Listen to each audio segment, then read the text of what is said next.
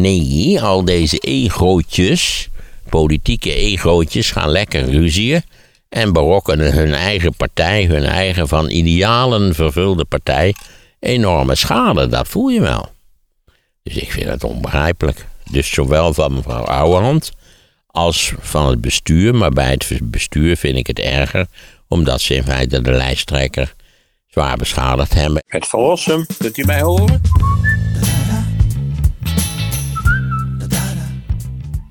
Ja, ik zal iets moeten zeggen over de slimste mens, neem ik althans aan. Philip Freeks heeft bekendgemaakt dat hij uh, ermee stopt. Dat wil zeggen, hij stopt er maar pas mee eind volgend jaar. Hij wil 25 seizoenen volmaken. Dat had hij volgens mij al meer dan twee jaar geleden besloten. Ik althans wist daarvan. Eh, volgens mij had hij het al lang besloten voordat Herman van der Zand in de picture raakte. Dat heeft, eh, wanneer was dat? Een paar weken geleden, een paar maanden geleden.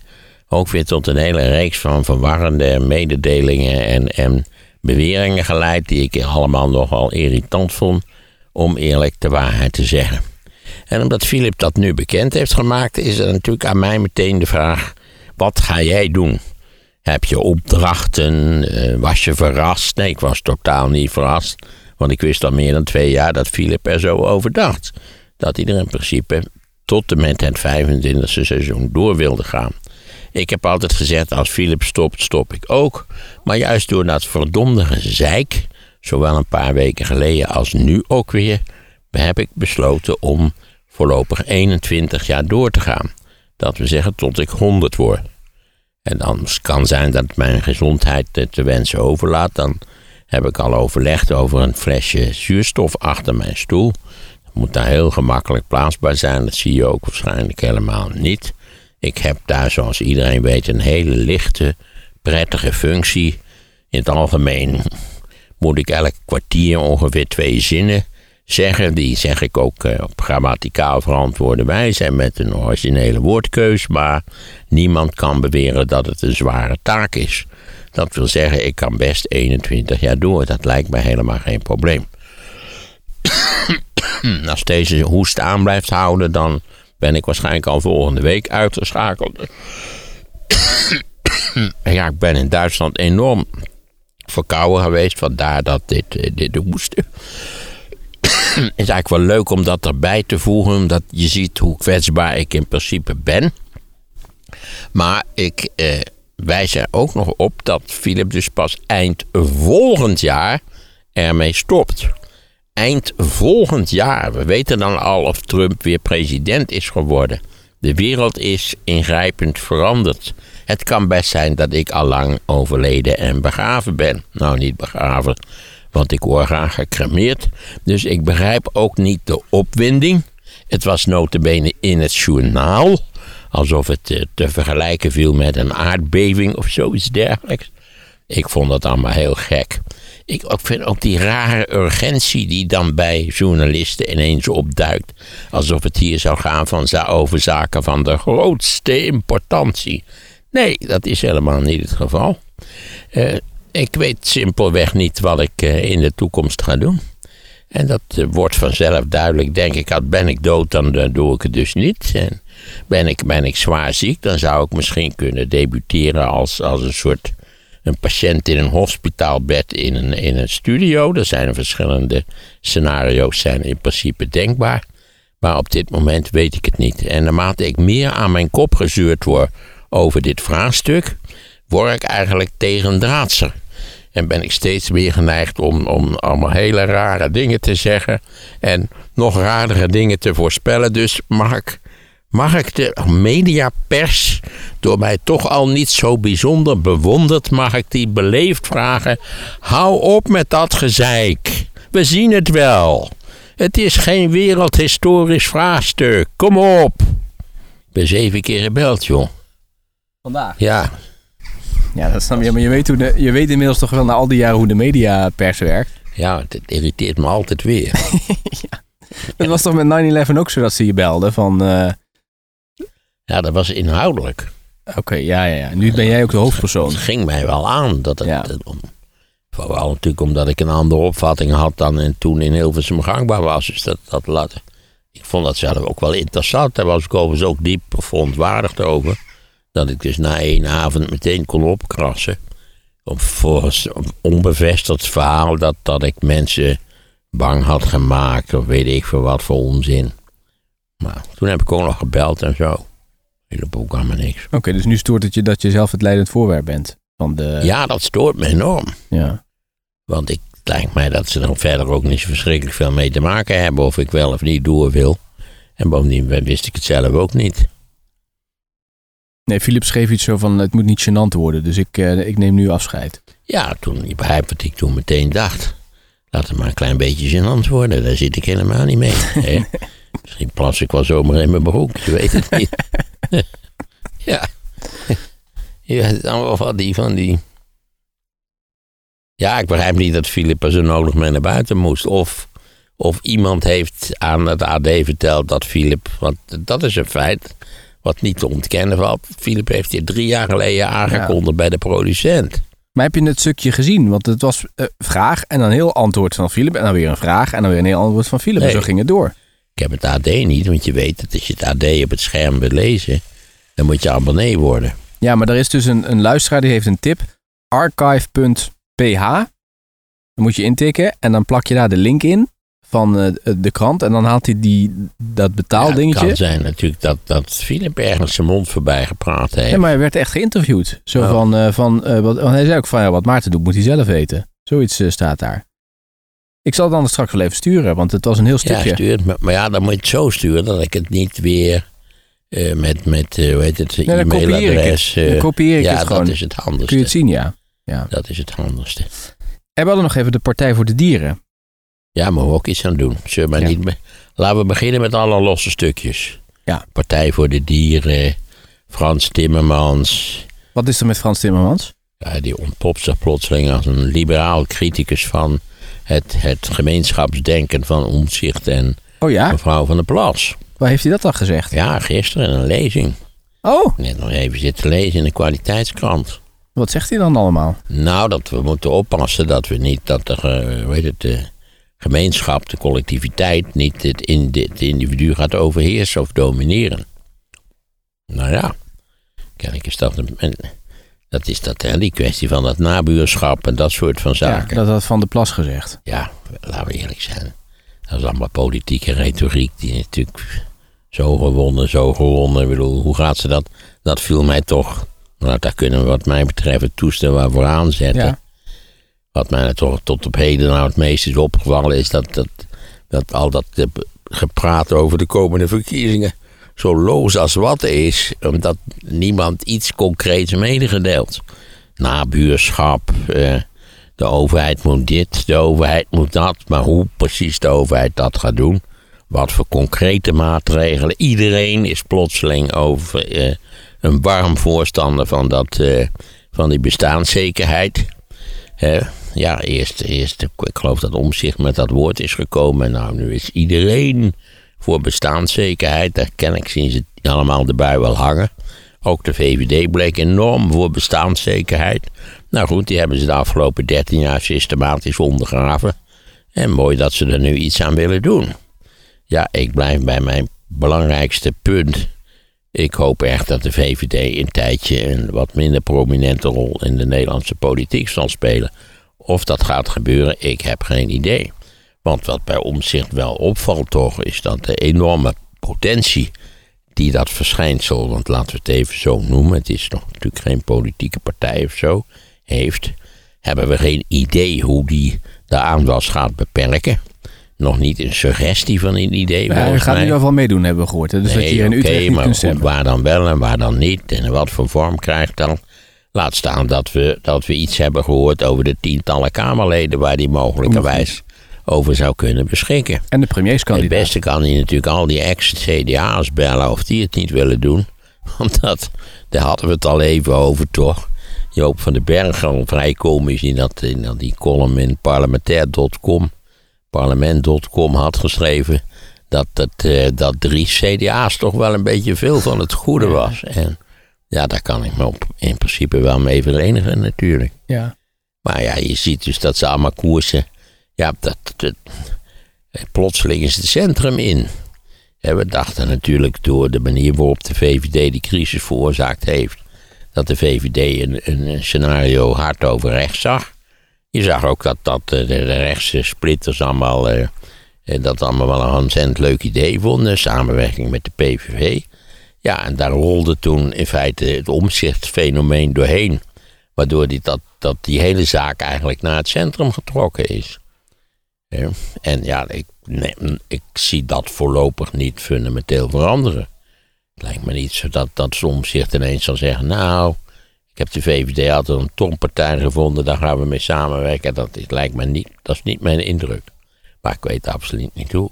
En, waar was en, en dat men nu voornamelijk toch reageert op de, nou ja, de vage ideologische toetsen die het politieke debat heeft gekregen terwijl het de verkiezingen nadert.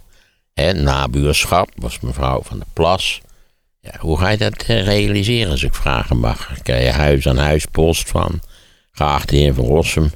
Het zou wel prettig zijn als u wat aardiger tegen de buurvrouw was. En dat als uw buurman de engste enkel breekt, dat u ook wat boodschappen gaat doen en zo. En nou ja, iets in die geest stel ik mij voor. Dat zijn natuurlijk allemaal een beetje utopische uitspraken die nergens op slaan. Als ik zo vrij mag zeggen. Dat geldt zelfs voor, voor dat bestaans, uh, die bestaanszekerheid. Ja. Weet je, zult toch moeten uit dat het enige concrete punt wat we tot nu toe hebben gehoord was dat het minimumloon omhoog moest. Ja, dat en dat was wel heel, weer heel variabel, want de linkse combi wou geloof ik naar 16 en Anderen die het erover hadden, werd het niet duidelijk aangegeven hoe ver het omhoog zou gaan. Dus ja, het zijn allemaal hele algemene praatjes. En ook dan met name natuurlijk dat idee dat het collectief weer een wat prominentere rol zou moeten spelen. En nu las ik dus in de kwaliteitskrant net dat, uh, uh, hoe heet die? of uh, Timmermans. Timmermans, dat die had gezegd van ja, het moest allemaal niet, niet anti-individualistisch worden, want dat, dat, het individualisme de ruimte die het individu in de moderne samenleving heeft, die moest uh, niet tekort gedaan worden. Dat was niet de bedoeling. Maar ik, zou zeggen, als ik nou zelf een programma op zou moeten stellen, zou ik zeggen, laten we iets doen aan het tekort aan verzorgingshuizen. Die hebben ze de afgelopen jaren gewoon ruksigloos afgebroken. Ik gebruik hier met opzet een Duits woord. Misschien ook omdat ik net een week in Duitsland ben geweest, dat weet ik niet precies. Uh, kom eens met concrete voorstellen. Wat ga je concreet doen om de onzekerheden in onze samenleving op een aantal punten weg te nemen? Dat zou ik wel eens willen weten. En ik ben totaal niet geïnteresseerd in ideologische prietpraat over nabuurschap, collectief of Wat niet maakt collectief. dat ideologisch? Nou, dat het een, een, een, punt is wat, laten we zeggen, samenhangt met een specifieke maatschappijvisie. Namelijk een maatschappijvisie eh, die, toen, die bestond toen we het nog gezellig hadden in Nederland. Toen we nog dorpen hadden. En toen we nog een echt platteland hadden. Hè, hebben dat, we dat niet meer dan? Nou, niet voor mevrouw van der Plas. En voor zover we het nog hebben, wordt het zeer ernstig bedreigd door, nou ja, de overmatige... De urbanisering. Aandacht, de overmatige aandacht die met name de Randstad krijgt. Als je in het land een lezing gaat houden, een van de altijd genoemde punten is dat ja, de Randstad krijgt alle aandacht en bij hun worden de bushaltes afgebroken. Wat ik overigens, daar hebben we het wel eens over gehad, een, een, heel hoogst ongelukkig beleid vind. Ja, ook als er maar drie mensen in die bus zitten, zorg om zeven, om, zorgen ze om zeven uur, dan moet die bus toch rijden. En als dat ding wordt opgeheven, ja, dan voel je je wel behoorlijk gepakt. Dat kan ik me best iets bij voorstellen. In Zeeland moet je dan bellen. Sta je bij zo'n paal, moet je bellen. Ja, het busje, busje komt zo. Dan moet je mijn broer zo over bellen nadat hij weinig uh, opwekkende ervaring met busje had gehad, heeft hij toch maar een autootje gekocht. Op Texel woont hij, ja. Ja. ja. ja, ja, Maar Timmermans is dus, want even voor de duidelijkheid, jij vindt die ideeën om iets meer naar de medemensen om te kijken wel goed. Alleen vraag je af. Ja, daar ben ik een warm voorstander van. Alleen als je niets concreets zegt, dan, dan kan dat zo weer wegzakken. Ja, dan krijgen we verkiezingen, opwindingen in de tent. Er moet een kabinet in elkaar getimmerd worden. Ja, dat hangt van compromissen aan elkaar. Zo zit Nederland nu eenmaal in elkaar. En dan, ja, dan is het maar de vraag of, dat, of die concrete voorstellen ook daadwerkelijk eh, in, in werkelijkheid worden omgezet. Dat is, dat is bij iedere partij de vraag. Ja, dat lijkt me wel. Ja. Maar je mag ook wel blij zijn. Ook mag best eens duidelijk maken hoe die precies zijn wensenpakket gaat realiseren. Ja. Ja. En je hebt er weinig aan als, als iedereen maar van die vage praatjes houdt. dan heb je er natuurlijk bar weinig aan. Hmm. Dat het hele systeem heel onverwacht, naar mijn idee, naar het midden trekt, vind ik opmerkelijk, ja.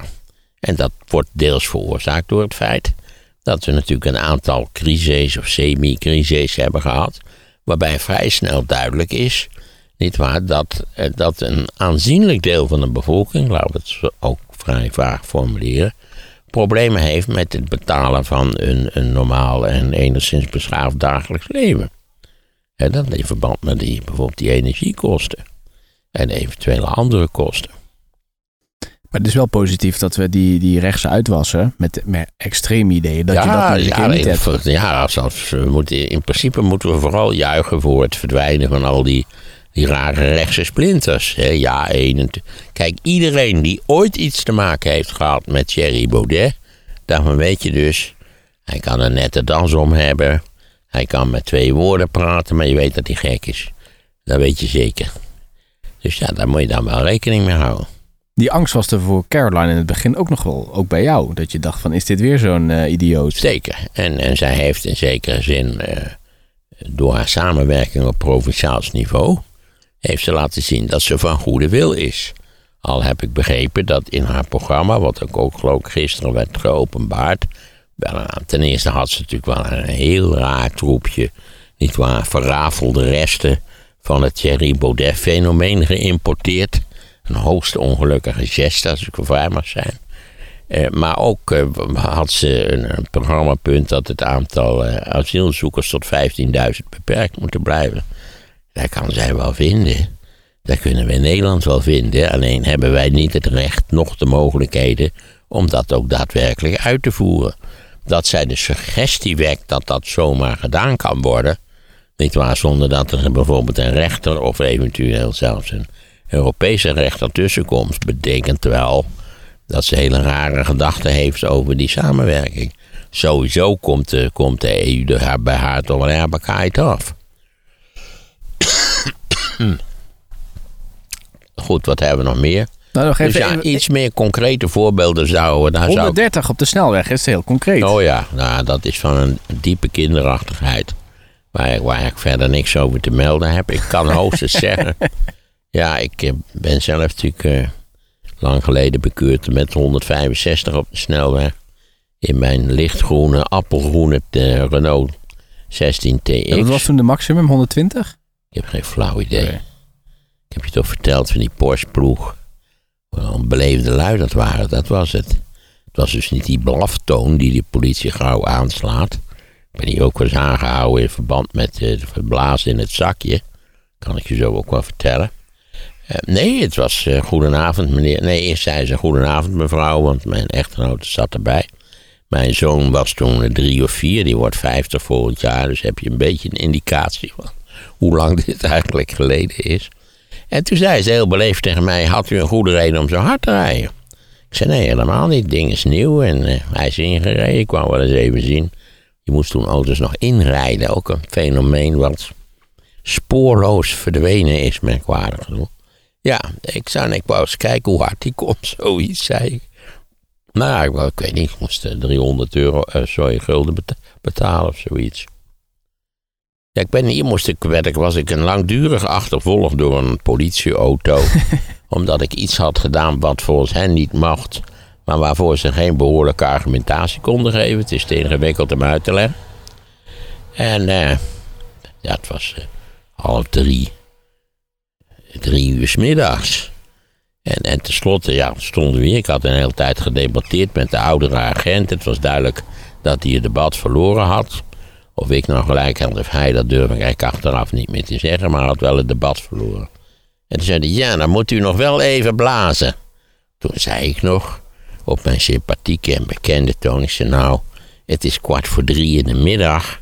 De kans dat ik nu al een flinke borrel op zou hebben, is niet zo groot. En dat niet alleen als u een klein beetje weet van alcohol en u heeft niet gedronken, dan kunt u binnen drie seconden ruiken of ik wel of niet iets gedronken heb. Dus u moet al lang geroken hebben dat ik niets heb gedronken. U doet dit alleen maar om mij te treiteren. Dat maken wij zelf van uit, meneer. Je kent dat wel, die toon. Ja, laat die sukkel, die laat mij blazen. Je begrijpt dat, ik, dat het niet positief was. Dus ik zeg, ja, dat noem ik nou overheidsverspilling. Toen zijn ze geruisloos ingestapt en weggereden. Kijk, dan hebben ze het debat zeker verloren, ja. Dat debat hadden ze wel goed verloren, ja. ja. Ja. Alle flauw toe. Sterker nog, ik heb een, bij een andere keer had ik mijn dochter had ik weggebracht naar een of andere festiviteit. Ook midden op de middag werd ik aangehouden op de Beeldse Straatweg. Blazen. Dus ik weer hetzelfde verhaal. Hè? Maar ja, god, het is toch niet waarschijnlijk dat ik kom net van het terrein af. Dat ik straalbezopen ben of sowieso veel heb gedronken. Want u kunt het ruiken.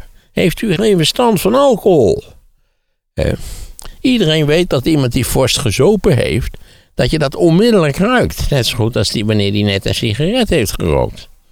Nou ja, nee, eh, niets mee te maken bij zelf vooruit. ja. Nou ja, dus heb ik ook volkomen nutteloos in dat dingetje geblazen, ja. En wat is er bij de Partij voor de Dieren aan de hand? Ja, dat is merkwaardig. De Partij voor de Dieren. ik bedoel, als je al zo onaardig bent tegen elkaar, is het wel... Maar, nou, um, het is ook zo onbegrijpelijk stom om in de aanloop naar die verkiezingen. Kijk, het zou kunnen dat er dus kennelijk oud zeer ligt tussen het bestuur en, en, en mevrouw uh, Ouwehand. Kun je je eens bij voorstellen. Uh, nou, dat komt kennelijk nu dan tot uiting. Dan zou ik toch zeggen, jongens, we gaan even om de tafel zitten. Wij besluiten dat we het volstrekt oneens zijn. Mevrouw Ouwehand is in dit clubje verreweg de bekendste mevrouw. En die heeft het ook bij debatjes, heb ik altijd begrepen, goed gedaan in de Kamer. Ze dus stijgen ook in de peilingen? Ja, weet je wat? In de peilingen staan we er goed voor. Weet je wat? We zetten deze ruzie nu stil.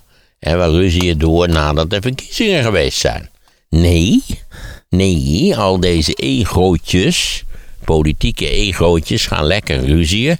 En berokkenen hun eigen partij, hun eigen van idealen vervulde partij, enorme schade. Dat voel je wel. Dus ik vind het onbegrijpelijk. Dus zowel van mevrouw Ouwehand als van het bestuur. Maar bij het bestuur vind ik het erger, omdat ze in feite de lijsttrekker zwaar beschadigd hebben. En trouwens ook hebben teruggetrokken. Dat wil zeggen, ze weigeren haar te benoemen. Niemand wilde zeggen waar het over ging. Ze komen met een nieuwe kandidaat. Het waren integriteitskwesties. Ja. Ja, nu natuurlijk met een nieuwe kandidaat. Nou goed, alle partijen komen met een nieuwe kandidaat. Maar ik durf te zweren dat de nieuwe kandidaat van de Dierenpartij... dat dat geen landelijke beroemdheid is. Maar ze hebben geen bewijzen genoemd daarvoor. Hè? Ze hebben alleen maar het, het idee gewekt van er is iets aan de hand. Maar het is niet onderbouwd. Nee, dat moesten ze allemaal nog onderzoeken. Ja, dus ik vond het van een zeldzame stompzinnigheid. Een goede reden trouwens om niet op die partij te stemmen. Moet mijn broer er nog even over bellen. Ja, want hij Stemt was ook Dierenpartij. Ja. Nou, hij was voor, voor de eerste keer toch dat hij het nu wilde gaan stemmen, omdat hij niet wist wat hij. Uh... Nee, het, mijn broer vertoont op dit punt. Ik heb het met hem besproken ook. Heel veel intellectuelen hebben dat eigenlijk. Is er niks waar ze echt gelukkig mee zijn in het politieke veld. En dan, dan zit je altijd goed dat je, dat je op de dierenpartij stemt. Want die dieren die worden verschrikkelijk behandeld. Wat allemaal voorkomen juist is natuurlijk. Maar goed, mijn, mijn, punt met de dierenpartij was toch. Eh, hoe lang bestaan die al niet? Toch ook al een jaar of twintig of zo. Ja.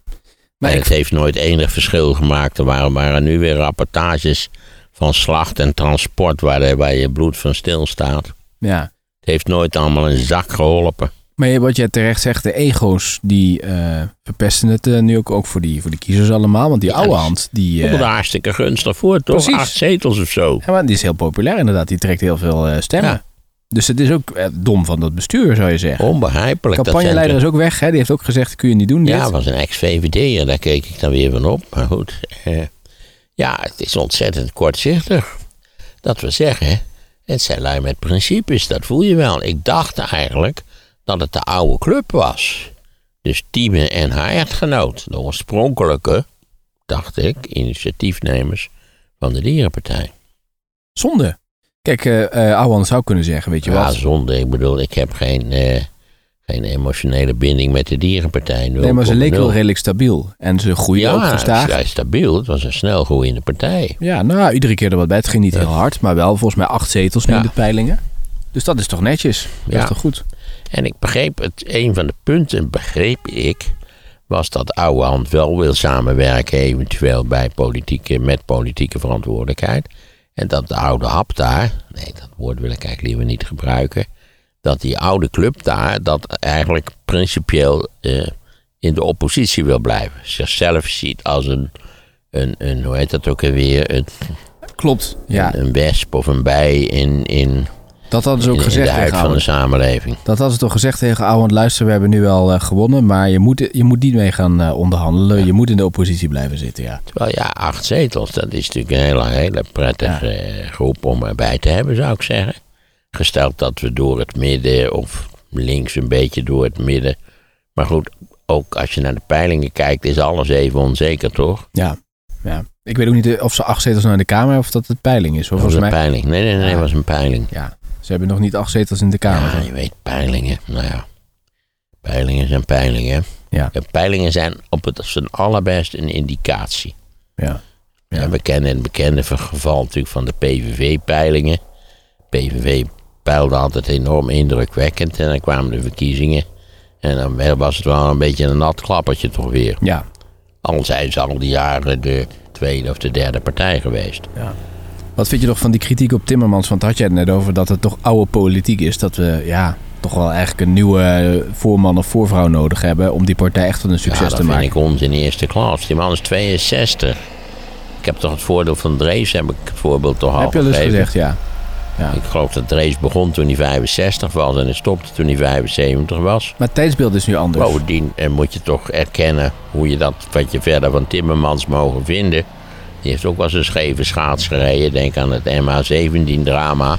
Maar Timmermans is wel iemand met een zeer omvangrijke bureaucratische en ook Europese ervaring. Ja. Zoals hij net had gedemonstreerd door die, door die groene, die groene wellen door dat eh, parlement te krijgen. Ja. Maar mensen zeggen nu, we hebben behoefte aan nieuwe politiek. Die oude... Wat is nieuwe politiek als ik vraag mag? Nou, dat, dat, dat Rutte, dat gekonkel achter de schermen, dat is... Alle politiek zal altijd deels bestaan uit gekonkel achter de schermen. Oké. Er is, geen, er is geen gekonkel voor de schermen.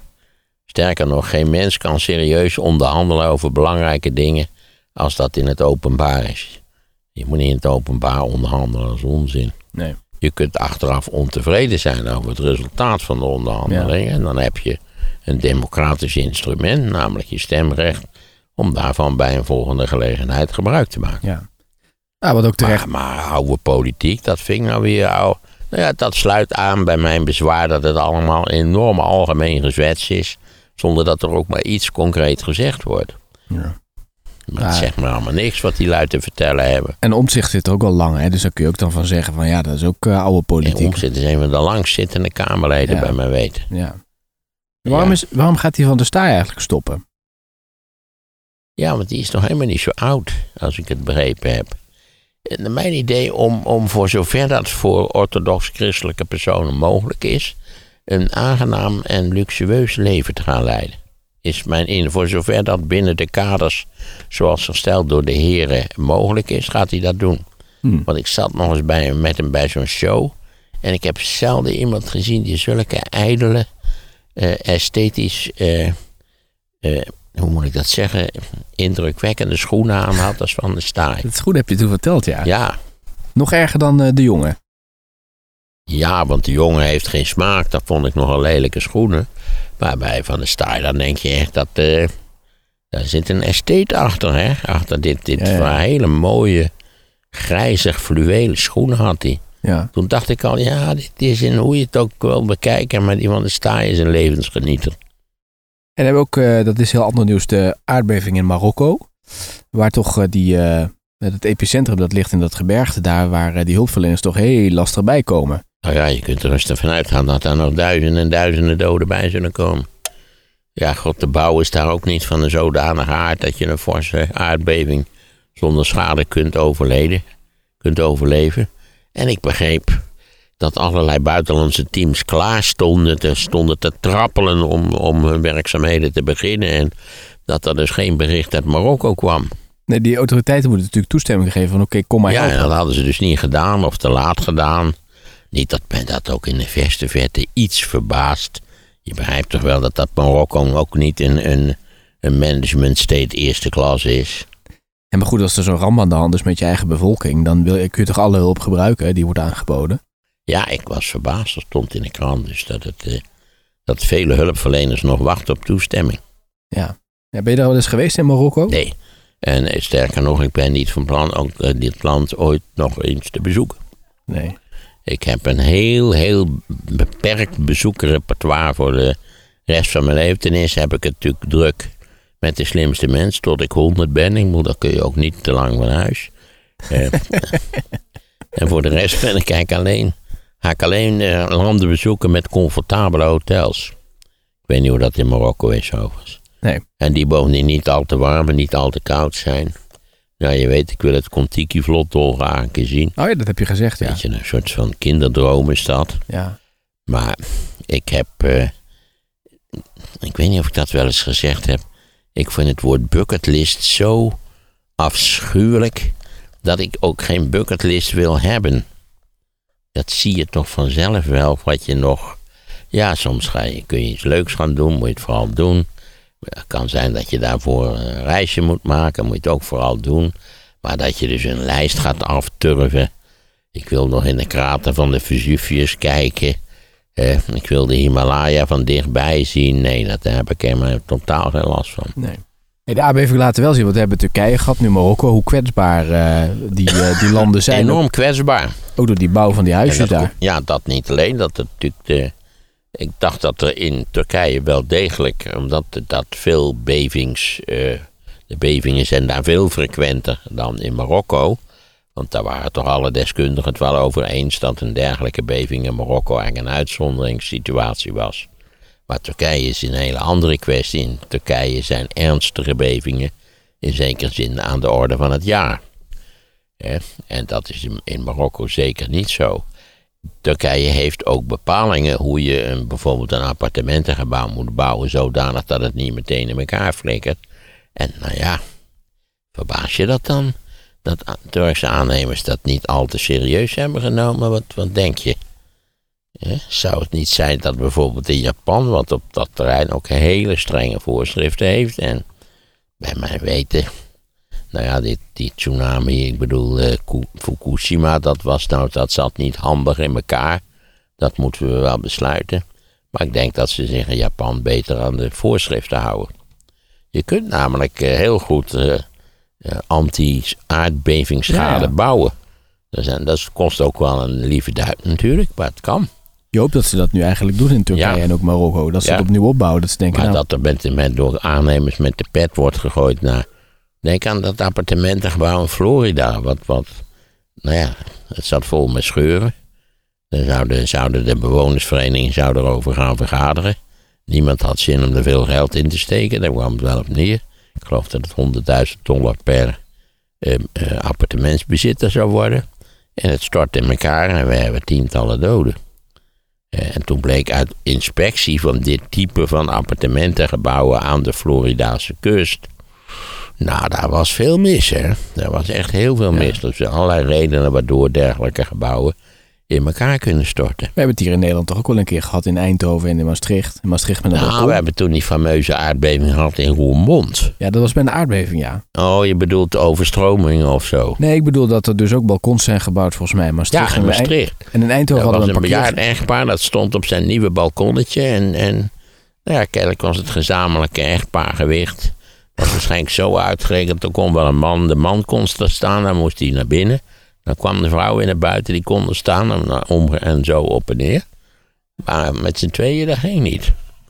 Maar mijn broer heeft me verteld dat dat vrij frequent voorkwam. Dat die balkons niet netjes geconstrueerd waren. Je kunt namelijk een, een, een balkon zo ophangen dat het er echt nooit afvalt. En je kunt het ook mm, nou, vrij simpel en goedkoop ophangen. Dan kan het bij sommige echtparen meer misgaan.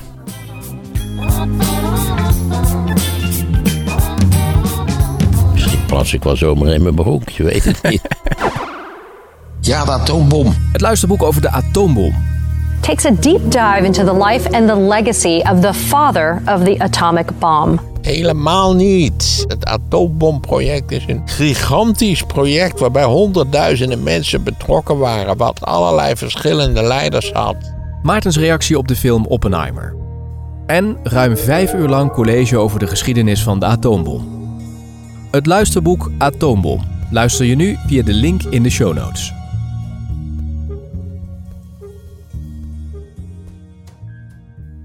Na kunstmatige intelligentie komt de kwantumrevolutie. En dat heeft misschien nog wel meer impact op je leven dan AI. Je hoort er nu alles over in Sea Level. De podcast vind je via de link in de show notes.